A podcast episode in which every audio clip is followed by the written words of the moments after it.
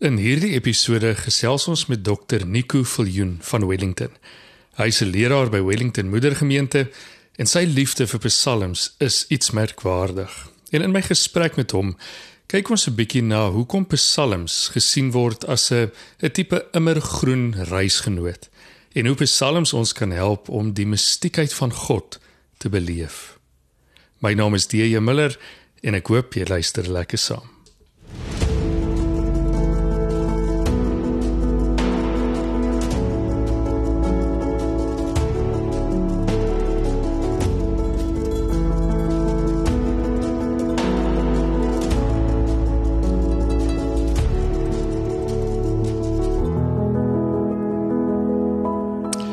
Nico baie baie dankie dat jy uh, tydjie neem om met ons bietjie te gesels oor jou liefde vir die psalms. Vertel vir my, waar kom jou liefde vir die psalms vandaan?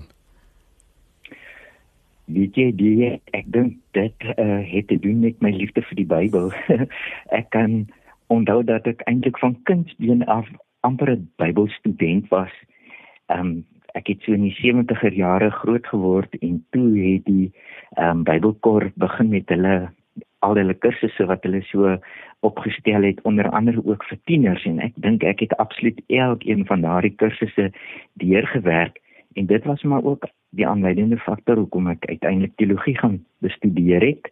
En daar het ek gou agtergekom dat ek van die tale ook hou beide Grieks en Hebreëus maar veral Hebreëus was vir my ja ek weet nie ek het net regtig geresoneer met die Hebreëse taal en bietjie daarin verder gestudeer en uiteindelik besluit ek wil graag uh op die Ou Testament fokus en ja, en toe ek nou daar moet besluit um op 'n spesialisasie rigting toe was die psalms absoluut vir my ja, dit het net aan my toe gekom en dit dink ek weer het miskien met die poëtiese aard van die psalms te doen. Hmm. Die Hebreëse poesie is regtig iets spesiaals en um ja, so ek het die poëtiese aard daarvan en dan ook natuurlik dat dit um grootliks seker gesing was. Daar's 'n musikale aard aan die psalms.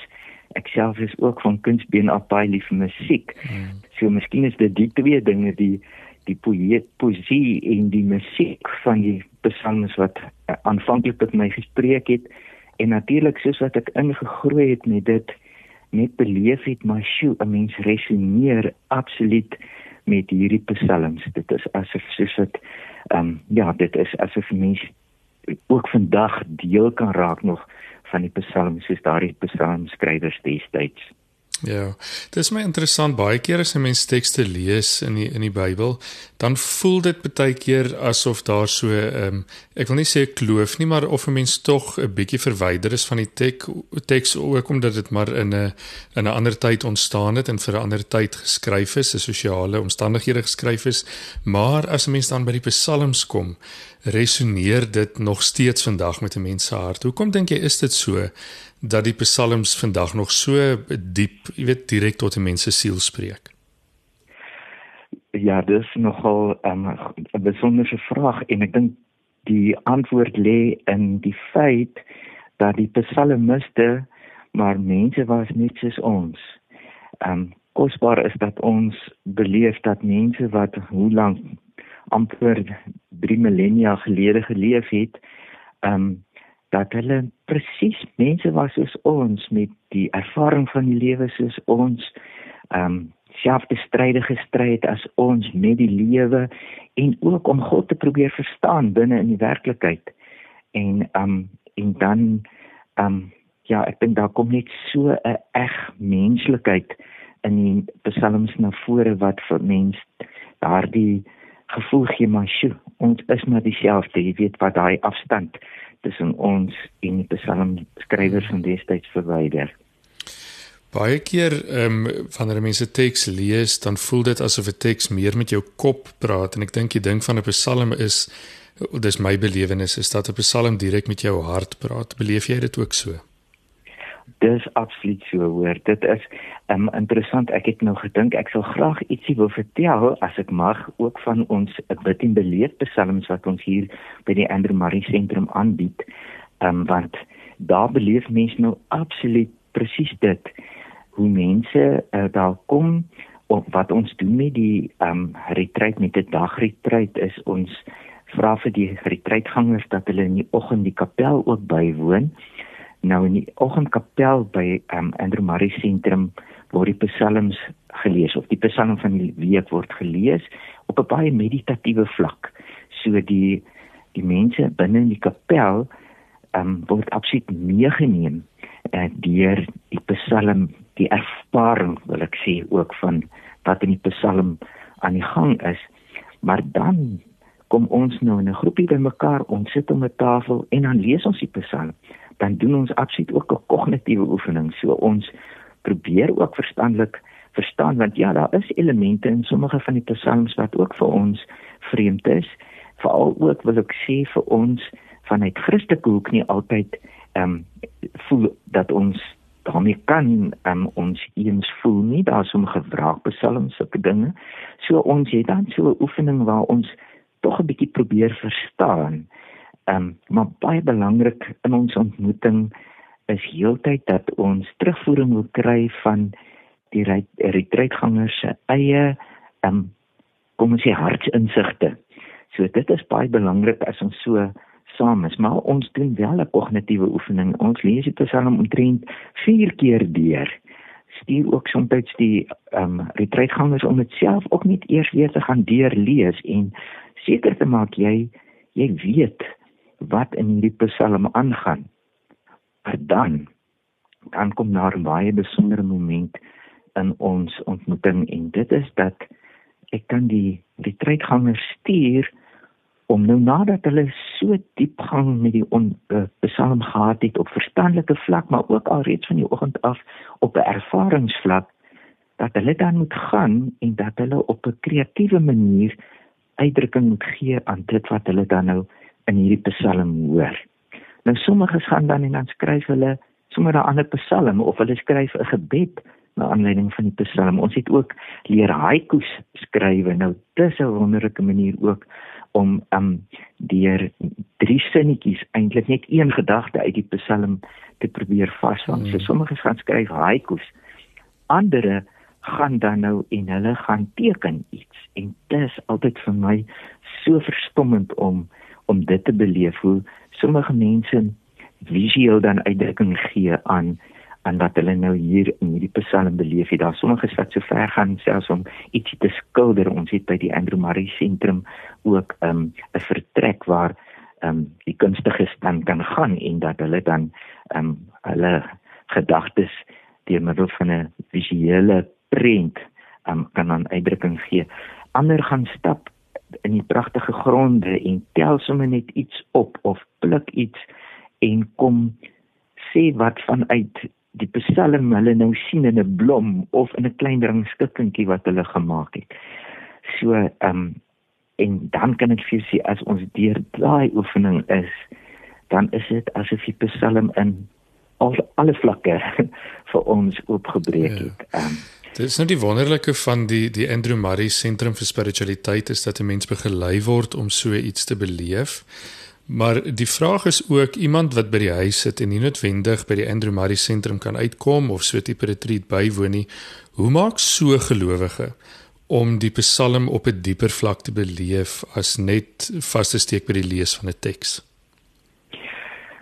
Ek dink die 'n baie handige metode is om um, die lecture divina, dis eintlik maar ook wat ons doen by die by die sentrum. Ons uh, ja, ons pak dit net so 'n bietjie anders uit as die tradisionele lecture divina, maar ek dink ehm um, dis maar wat ek self ook ehm um, gedoen het uh, op 'n stadium met die psalms. En dit is om dit regtig net um, op 'n meditatiewe wyse te lees. So ek wil sê elke persoon kan dit doen om 'n psalm te vat om miskien in sy geheel te lees en dan bidend met verse of met woorde, selfs net met woorde binne in die psalm um, om te gaan, jy weet om elke um, om om iets soos kom ons vat, daar een iets 'n begrip wat so baie in die psalms na vore kom is die Here se troue liefde. Om net te gaan sit en dink oor as ek nou hierdie woordjie hoor, die Hebreëse gesed wat eintlik so 'n 'n baie omvattende begrip is eintlik van God se genade en sy troue liefde, sy ehm um, sy liefdevolle teenwoordigheid in ons lewens. Jy weet, as jy nou net oor so 'n begrip 'n bietjie gaan dink en selfs bietjie gaan weier lees, gaan lees maar um, in 'n um, in in 'n uh, ja, ek weet almal het nou dalk nie 'n kommentaar nie, maar dis dat ons almal die internet op tot ons beskikking. Ehm um, daar is 'n wonderlike ehm um, 'n uh, 'n uh, 'n webwerf, die Bible Hub webwerf wat ek op baie heerlik gebruik in Bible Hub. Um, kan 'n mens so ingaan op woorde, um, spesifieke woorde en dan gaan hulle vir jou sê so lyk dit in die Grieks, so lyk dit in die Hebreëus en en dit is hoe ons dit verstaan. So en dit is vir almal almal toeganklik. Enige persoon kan dit doen. En ek dink as mens dan so 'n bietjie dieper ingegaan het op een spesifieke begrip en jy lees dit dan nou weer in die konteks van die Psalm, dan raak daai Psalm net vir jou al hoe meer 'n uh, 'n hartservaring. So ek hoop dit gaan dit help die as ek nou so iets sê. Ja, verseker ons het sommer om dit lekker maklik te maak, die skakel na die leesrooster en dan ook die skakel na Bible Hub in die beskrywing van hierdie opname gesit.